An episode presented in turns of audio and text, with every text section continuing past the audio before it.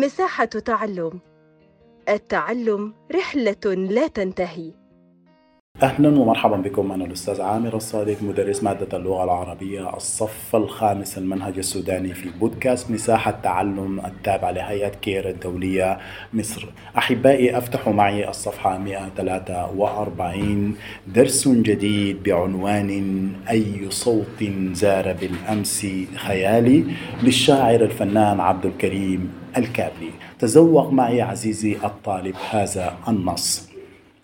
أي صوت زار بالأمس خيالي طاف بالقلب وغنى للكمال وأذاع الطهر في دنيا الجمال وأشاع النور في صوب الليالي.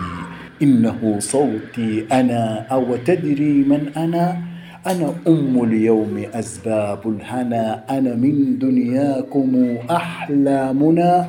كل حب في الورى رجع حناني كل نبع دافغ بالحب جاري. من ينابيع يقزيها اهتمامي أنا نصف قد حوى كل المعاني. من يناديني أنا زادني العلم سنا.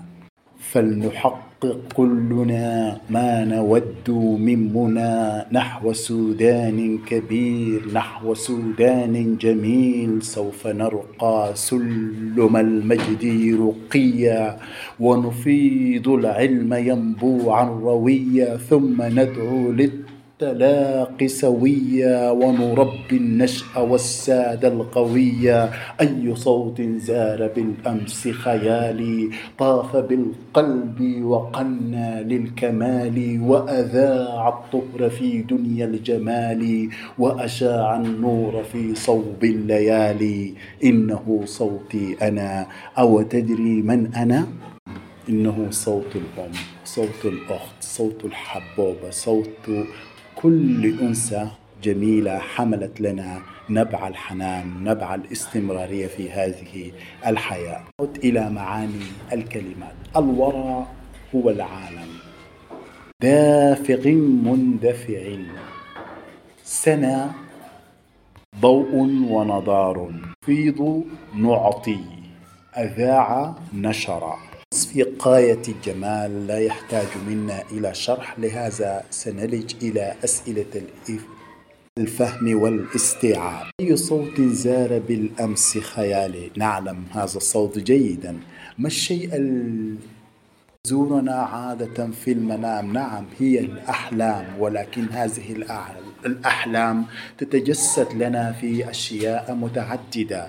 فقد ترى صوتا يتجسد لك وتسمعه وتشعر به. إنها هي الأحلام ولكن الصوت الذي ينادينا من دواخلنا هو صوت الأمومة الذي نبحث عن حنانه في كل وقت من الأوقات. الأشياء التي فعلها ذلك الصوت. هو طاف بالقلب وغنى للكمال وأذاع الطهر في دنيا الجمال وأشاع النور في صوب الليال. نعم كل هذه الأشياء جسدها لنا هذا الصوت الزائر. الأشياء التي يجب أن نحققها للسودان. مجموعة من الأشياء لا تحصى ولكن سوف نرقى سلم المجد رقيا ونفيض العلم ينبوعا رويا ومن ثم ندعو للتلاقي سويا في هذا الوطن حتى يعم الرخاء وتزول المعاناة. إذا هذا هو هدف شعبي. نحن جند الله جند الوطن فهذا هو هدفنا.